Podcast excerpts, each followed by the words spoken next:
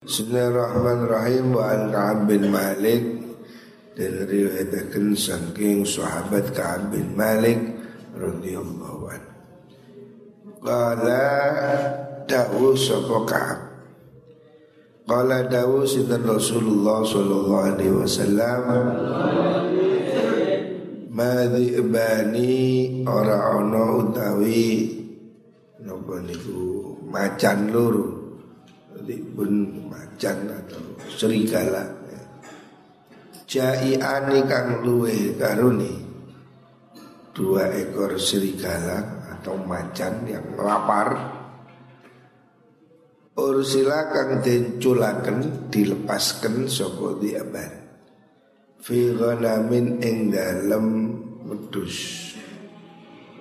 Dua macan serigala yang dilepas di kandang kambing iku bi afsada ora luwih ngrusak laha maring kuno ghanam min hirsil mar'i saking rakuse wong suwiji.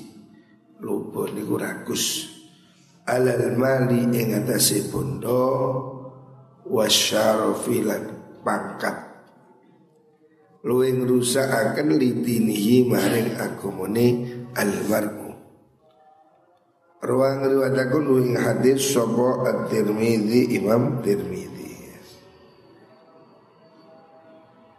Wa qala hadisun hasan. Wa qala lan Imam Tirmizi hadisun hasanun iku hadis hasan. Maksudnya Rasulullah Shallallahu Alaihi Wasallam mengingatkan tentang bahaya rakus pada dunia. Seorang ini kalau rakus ya, punya sikap rakus, tamak urusan dunia dan urusan pangkat. Orang gila harta, gila kedudukan, gila jabatan itu lebih berbahaya daripada macan kelaparan yang dilepas pada kawanan domba. Kawanan domba ya, wedus di masuki macan mesti dimakan dirusak. Itu tidak lebih bahaya daripada sikap rakus. Manusia ini kalau rakus dunia Dia ini akan menghalalkan segala cara. Orang demi pangkat, demi jabatan Dia bisa melakukan apa saja. Tidak ada apa ini batas. Orang demi pangkat bisa sokok menyokok Bahkan sokokannya bukan hanya uang Perempuan macam-macam Begitu juga orang yang gila harta.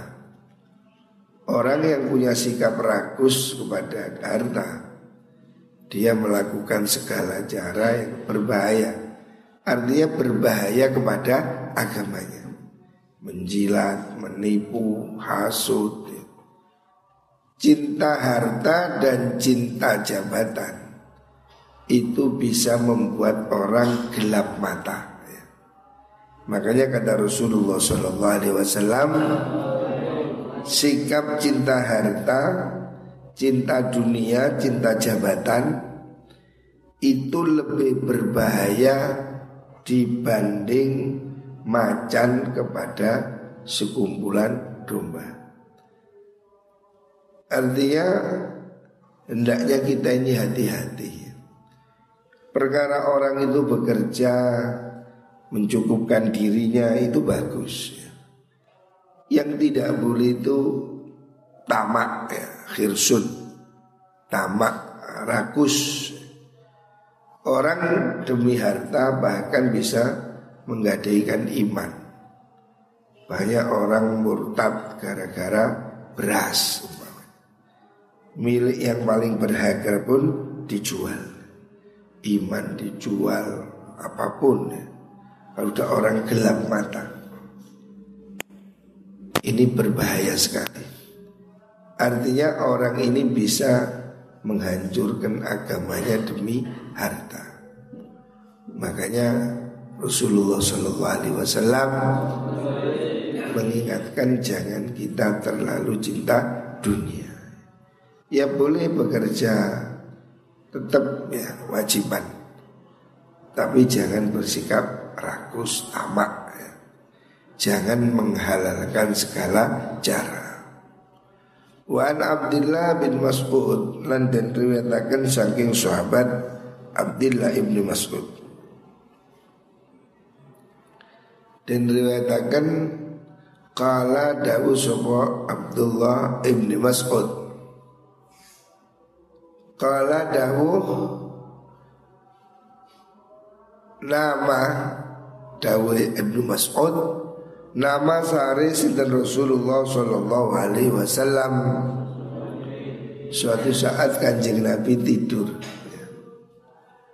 Ala hasirin Engatasi kelosok Nabi tidur tidak pakai kasur. Nabi tidur cuma pakai tikar. Fako Fakoma Nuli jumeneng sama kanjeng Nabi Wakot atar Lan teman-teman ngelapeti Ngelapeti itu membekas Fi apa mengkuno hasir fi jambihi ing dalem niku lambunge Kanjeng Nabi. Maksudnya Kanjeng Nabi tidur beralas tikar yang terbuat dari daun kurma. Sehingga waktu Nabi bangun itu jelaret-jelaret. Orang tidur kan kalau bangun karena tidurnya ini di atas daun kurma. Itu Ta'athar itu artinya ngecap ya. Galur-galur di tubuhnya kanjeng Nabi itu ada kelihatan garis-garis apa itu tempat Nabi tidur di atas daun itu. Jadi tikar pada masa itu itu daun kurma. Eh, namanya daun kurma itu keras sehingga lidinya itu masih menggores di tubuhnya kanjeng Nabi. Fakulna nuli ngucap kita, ya Rasulullah, lawit takhudna lawan ngalap kita, ngalap kita laka mari panjenengan, lupa nih, witoan, ing lemek kang alus. Sahabat tidak tega. Lihat kanjeng Nabi tidur. Alasnya tikar yang kasar. Sehingga Nampak Apa itu? Garis-garis di tubuh Nabi. Sahabat usul Kanjeng Nabi Kami mau bikinkan Apa itu? Lemek atau Permadani ya, Yang bagus supaya tidak seperti itu. Artinya sahabat menawarkan Nabi supaya tidur di atas selimut atau di atas karpet yang halus supaya tidak ngaler di tubuhnya Nabi. Faqala maqadahu sapa kanjeng Nabi mali walid dunya. Mau te apa li ingsun walid dunya. Nabi tidak mau. Untuk apa dunia? Jadi Nabi menganggap tidur pakai alas karpet atau alas halus itu tidak ada gunanya. Jadi bayangkan ya, kita-kita ini tidur sak melas-melase ya sih nggak karpet atau selimut ya. Nabi tidurnya cuma pakai tikar yang terbuat dari daun kurma. Daun kurma itu lebih kasar dari daun kelapa. Sehingga sampai kalau bangun tidur itu di tubuh Nabi menggaris-garis. Artinya menunjukkan itu sangat kasar. Nabi ditawari oleh sahabat untuk dibikinkan itu alas tidur Bukan kasur Kasur terlalu mewah Nabi itu ditawari cuma ya sejenis hambal Nabi mungkin panjenengan kerso tidurnya pakai alas ini hambal. Witok itu maksudnya ya alas yang halus. Bukan kasur. Jadi kanjeng Nabi tidurnya nggak pakai kasur. Kita ini sak melarat-melarat ya sih pakai kasur. Atau di pondok ini ya sih pakai karpet atau kasur busa. Kanjeng Nabi tidak. Betapa sederhana kehidupan Rasulullah SAW. Tidurnya beralas daun. Sahabat nawari selimut atau permadani. Tapi Nabi tidak mau. Untuk apa dunia? Ma'ana orang-orang te ingsun fit dunya ing dalem dunya iku illa karokibin kaya wong kang nunggang iku illa karokibin kaya angin kaya wong kang nunggang orang yang naik kendaraan perjalanan istadhalla kang ngiyup sapa rakib berteduh tahta syajaratin ing dalam isore wit di bawah pohon. Sumaraha nuli budalan soko mengkuno rakib kemudian dia pergi watarokalan tinggal soko rakib ha ing syajarah rawahu tirmidzi qala hadisun hasanun sahih. Rasulullah Shallallahu Alaihi Wasallam saking sederhananya Hidup yang luar biasa sederhana. Kanjeng Nabi tidak tidur pakai kasur Padahal kasur ini hampir sudah merupakan hal biasa Sekarang orang malah pakai spring bed Yang mentul-mentul Nabi tidak pakai kasur Nabi tidak pakai hambal Nabi tidur tidak pakai permadani Nabi tidur hanya beralaskan daun. Bayangkan. Dan ini seumur hidupnya. Bahkan ketika Rasulullah SAW meninggal, ketika Nabi meninggal dimandikan, itu galer-galernya. Apa bahasa Indonesia? Galer-galer. Bekasnya itu loh, bekasnya garis-garis itu masih tampak di punggungnya. Jadi waktu Nabi meninggal itu masih galer-galernya itu masih kelihatan. Artinya Nabi tidurnya itu sederhana sekali. Jadi kita-kita ini mesti malu ya. Kita-kita umatnya ini tidurnya pakai kasur, pakai busa, spring bed. Tetapi Nabi tidak punya kasur. Nabi tidak pakai hambal. Nabi tidur hanya pakai alas tikar yang terbuat dari daun kurma. Diberi juga nggak mau. Bukan Nabi tidak bisa, diberi nggak mau. Memang kepingin hidup sederhana. Ini kita bisa bayangkan betapa sederhananya kanjeng Nabi. Dikasih kasur nggak mau. Bahkan kanjeng Nabi mengatakan saya ini cuma seperti orang pergi orang pergi ngiyup ya. Kalau kita ini perjalanan terus berteduh. Hidup ini bagaikan berteduh.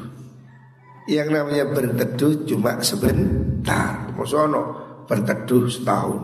Oh, Namanya berteduh kamu pergi jalan panas Minggir. Panas atau hujan Minggir berteduh. Namanya berteduh ini cuma sebentar. Nabi mengibaratkan ya Hidup ini seperti orang ngiup, ngiup bahasa Jawanya Kehidupan ini cuma sebentar Bagaikan orang yang berteduh. Setelah itu segera pergi. Artinya Nabi menggambarkan betapa singkat kehidupan di dunia ini Hanya seperti orang berteduh.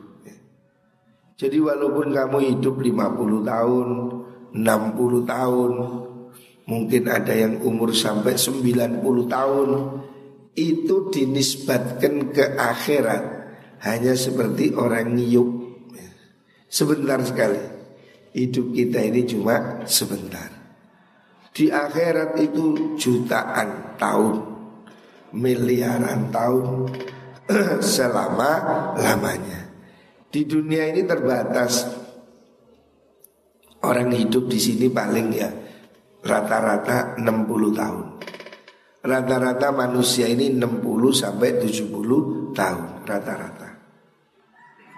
Artinya dibandingkan di akhirat ini sebentar. Sebab di akhirat itu satu hari akhirat kalau dibanding di dunia itu khamsina alfasana. 50 ribu tahun. Sehari di akhirat dibanding di dunia itu nilainya 50 ribu tahun. Lah kalau di akhirat setahun ya setahun kali 50 ribu hari. 50 ribu tahun sudah terhitung. Betapa dunia ini sebentar. Jangan terlena di dunia. Kita semua harus siap-siap pergi ke akhirat. Ini gambaran Nabi ini kan bisa diterima. Jadi Nabi ini mengajarkan betapa sempitnya hidup di dunia ini hanya seperti orang berteduh. Ini hadis riwayat Tirmidzi Hasan Sahih. Wa Nabi Hurairah radhiyallahu anhu qala qala Rasulullah sallallahu alaihi wasallam Yadkhulu mlebu sapa al fuqara ubira-bira wong kang melarat al jannata ing swarga Qablal aghniyai sadurunge wong sugih. Besok orang-orang miskin itu masuk surga mendahului orang yang kaya. Karena hisapnya rendah. Orang itu kalau hartanya banyak, urusannya panjang, diurus dari mana ke mana, dari mana ke mana. Orang-orang miskin tidak ada apa-apa ya karena dia hidupnya ya tidak banyak beban.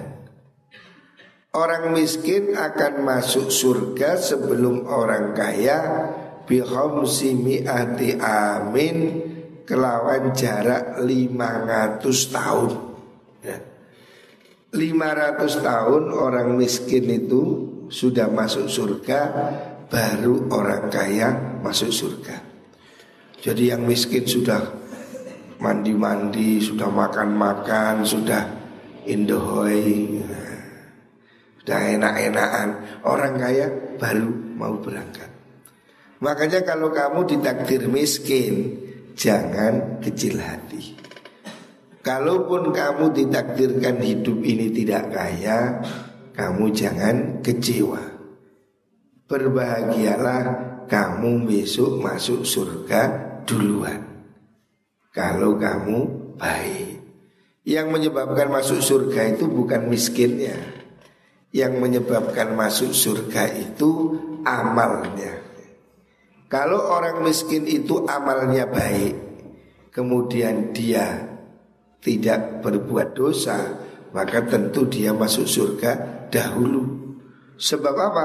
Sebab urusan totalannya ringan Sementara orang kaya terlambat masuk surga karena masih antri pemeriksaan. Sama dengan kamu tidak bawa barang di bandara lewat cepat.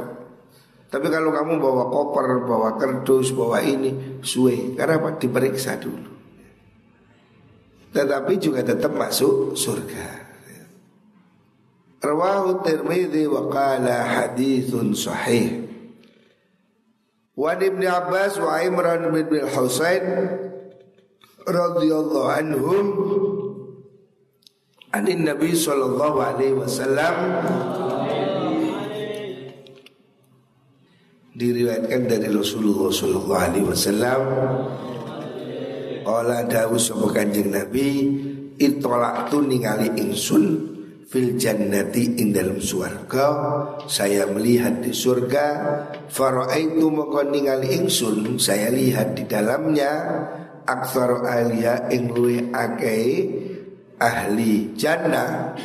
Setelah saya lihat di surga kata Nabi penduduknya ahli surga itu mayoritas al fuqara ing pira-pira wong melarat jadi ternyata di surga itu penduduknya yang banyak orang-orang miskin.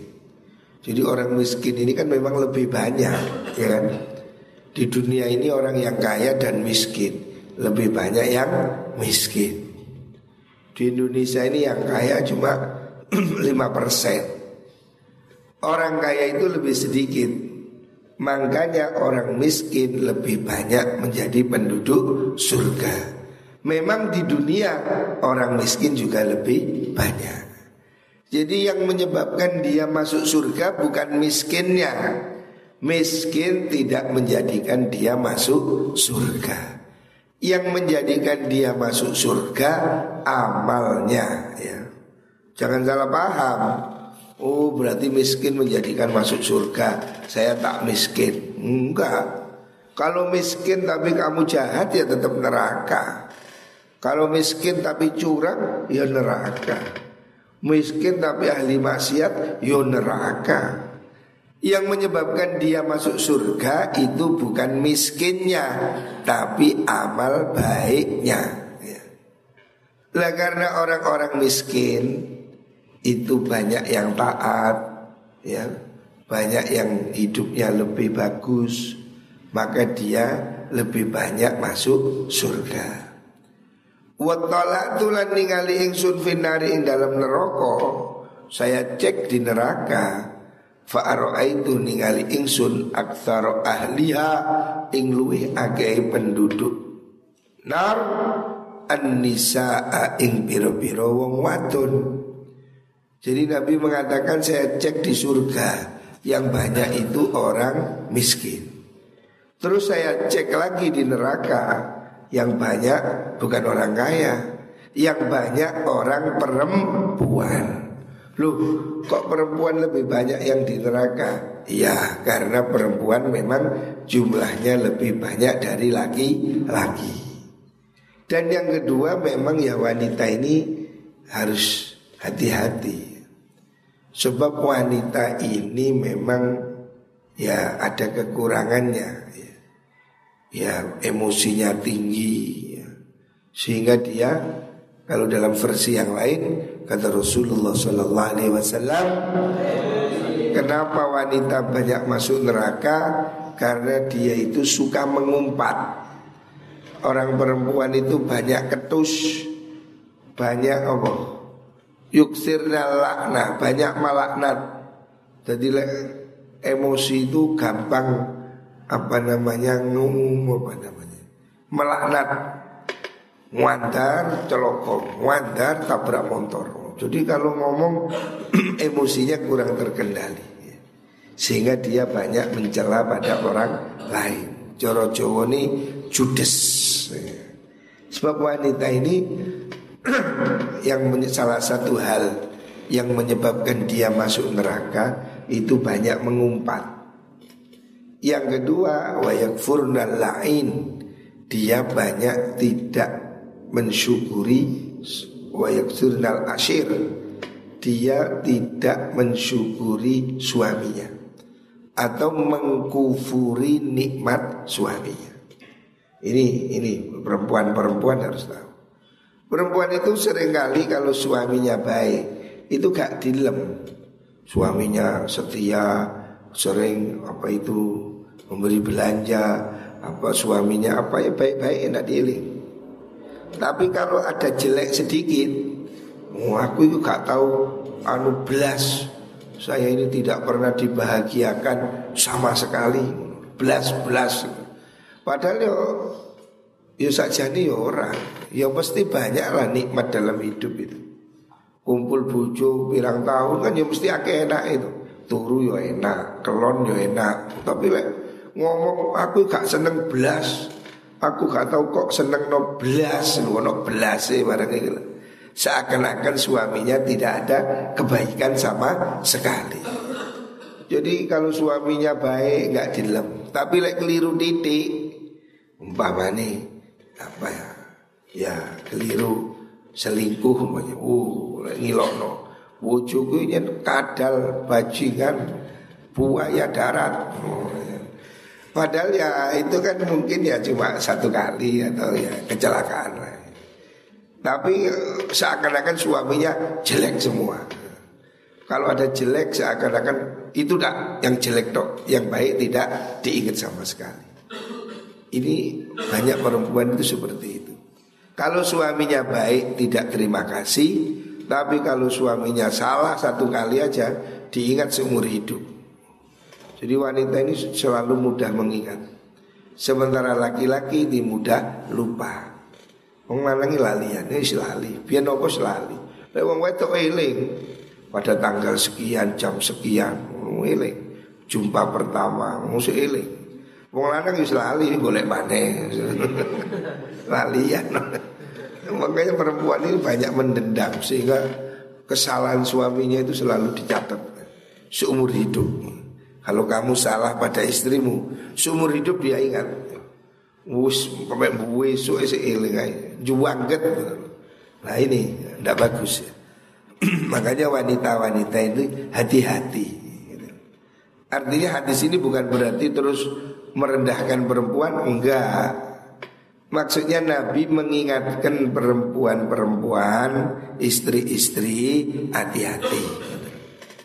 Banyak wanita masuk neraka itu ya karena dia durhaka. Durhaka pada suami. Ya. Makanya hati-hati.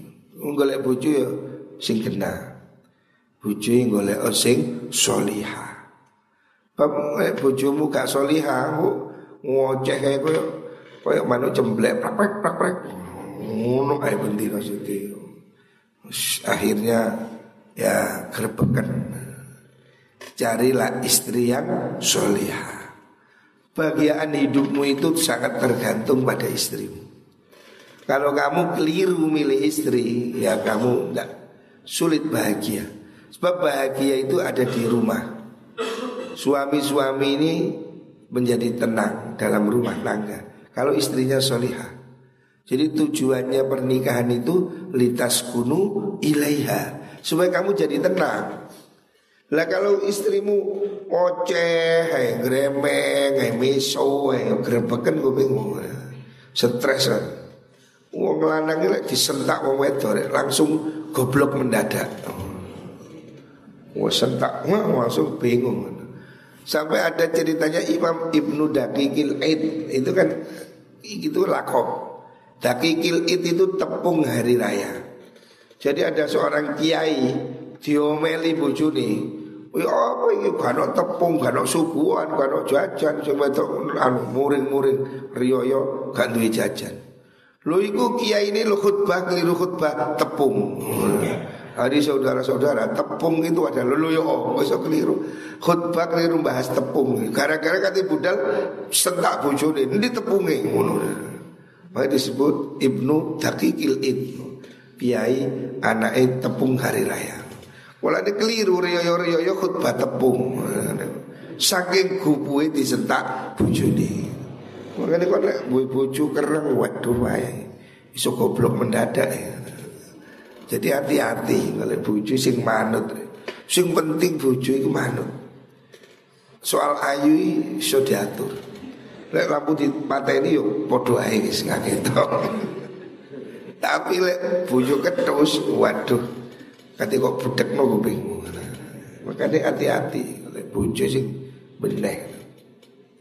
Ojo sembrono ojo nemu ke embung moro langsung ojo. Bojo ya kudu difikir.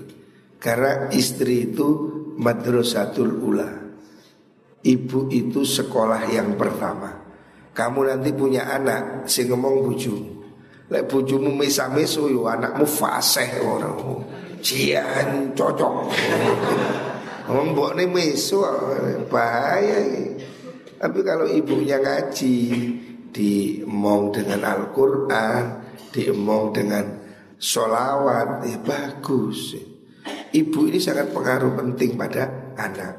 Makanya kamu harus hati-hati milih istri supaya anakmu tumbuh dengan baik. Nah kalau istrimu nggak ngaji, istrimu nggak seneng jamaah, istrimu nggak seneng ibadah, ya anakmu akan terpengaruh. Rumah tanggamu akan sangat terpengaruh. Makanya sih hati-hati, golek bojo ya sing pondokan. Tapi pondokan sing tenanan, ya ono arek mondok tapi udrak udruk tok ya ono. Enggak mangan turu tok. Warawahul Bukhari aidan min riwayati Amran bin Husain. Wa Usama bin Zaid radhiyallahu anhu ma anin Nabi sallallahu alaihi wasallam. Qala dawu Nabi kumtu ngadeg ingsun ala babil jannati ing atase lawangi swarga saya pernah berdiri di pintu surga. Maksudnya kanjeng Nabi itu waktu Isra Mi'raj itu sudah direkreasikan ke surga. Sudah lihat, Nabi sudah lihat. Fakana mongko ono amatuman umume wong utawa akeh-akeh wong dakhala kang mlebu sapa manha ing jannah iku almasakinu pira-pira wong miskin. Saya lihat mayoritas penduduk surga itu orang-orang miskin. Wa ashabul jaddi lan utai wong kang duweni bondo ake orang-orang yang kaya iku mahbusuna kang den keker den keker masih tertahan. Orang-orang kaya masih menjalani pemeriksaan. Waira anna ashaban nar angin setuni pira-pira ahli neraka iku kot umira teman-teman dan perintah sapa bihim ahlun nar ilan nari maring neraka. Orang ahli neraka sudah masuk, orang kaya antri masuk surga. Tapi tetap yang kaya orang yang beramal baik. Orang miskin yang tidak beramal baik ya tidak masuk surga. Surga tidak menjadikan orang masuk eh miskin tidak menjadikan orang masuk surga. Yang menjadikan dia masuk surga amalnya. Amalnya. Kalau miskinnya enggak, miskin ahli maksiat, ya neraka. Miskin ahli komer, ya neraka. Miskin tapi balon, ya neraka. Jadi miskin tidak menjadikan masuk surga yang menjadikan masuk surga itu amalnya. Kalau dia miskin tapi amalnya bagus, maka dia lebih cepat masuk surga. Sebab tanggungannya sedikit, pemeriksaannya sedikit. Orang kaya harus melewati hisab. Tapi juga ada orang kaya yang cepat. Orang kaya yang masuk surga karena amal baiknya. Muttafaqun alaih. Al jaddu te ma'nu jad iku al hadzu bagian tunyo wal ghinalan suki. Maka sahabat ustisi apa bayanul hadal hadis keterangan ikilah hadis fi babi fadlis du'afa. Ing dalam keutamaan ini bab, bab keutamaan wong kang apes kang melarat. Wa Nabi Hurairah radhiyallahu anhu dari Nabi sallallahu alaihi wasallam qala dawu sapa kanjeng Nabi asdaqu kalimatin utawi luwih bener kalimat. Qala kang ngucapaken ha ing kalimat sapa syairun uh, penyair zaman dulu orang Arab ini kebanggaannya sebagai penyair Iku kalimatul labidin kalimate Kiai Labid Labid ini nama penyair yang terkenal pada zaman Rasulullah Shallallahu Alaihi Wasallam.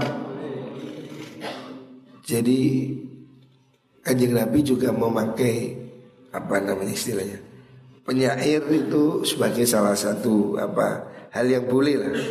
Syair itu tidak jelek, tetapi Quran itu bukan syair. Kanjeng Nabi mengatakan bahwa kalimat yang benar, ya. kalimat yang paling benar, maksudnya uh, syair yang syair itu ada yang bagus yaitu kalimatnya seorang yang bernama Labid Labid ini pujangga penyair pada zaman Rasulullah Shallallahu Alaihi Wasallam yang bernama Labid bin Robi'ah bin Malik Al-Amiri itu penyair pada zaman jahiliyah. Dia itu sangat terkenal dan kemudian masuk Islam. Syairnya mengatakan ala kullu syai'in ma khalallahu batilun. Ala kullu syai'in ala iling-iling kullu syai'in tes kabehane saben suci ma khala selagi ngelayani ngeliyani selainnya. Allah ma khala selagi ngeliyani apa syai' Allah yang Allah iku batilun kang batal. Artinya syairnya ini benar. Nabi mengakui syair itu juga bagus. Kalau memang isinya bagus. Lah Si Sinten Wau Labid Ini punya syair yang terkenal Ala kullu syai'in ma khalallahu batilun. Artinya Nabi menjadikan syahid ya, Dari syairnya Labid itu Sebagai penyair dia itu benar ya. Bahwasanya ala kullu ma siwa khalallah ala kullu syai'in ma khalallah batilun. Bahwa semua selain Allah itu batal. Artinya semua selain Allah itu pasti akan binasa gitu. Ya. Semua selain Allah itu akan habis. Dan Labid mengakui itu. Dan kalimatnya Labid itu benar sesuai dengan Al-Quran. Maksudnya istishad bisyair. Nabi mengatakan itu cocok sama dengan Al-Quran Kullu syai'in halikun illa wajah Artinya Nabi mengatakan syairnya itu bagus Jadi Nabi mengakui Labid ini memang penyair Tapi penyair yang baik Dia mengatakan satu syair Semua selain Allah itu batil semua selain Allah itu hancur binasa. Dan itu cocok dengan Al-Quran. Kenapa? Fama mata'ul hayatid dunya fil akhirati illa qalil. Dunia ini cuma sedikit ya. Kullu syai'in halikun illa wajah. Artinya hendaknya kita ini menyadari ya Jangan senang-senang di dunia Dunia ini tidak abadi Semuanya akan pergi ke akhirat Muka-muka diparingi khusnul khatimah Barakatil fatihah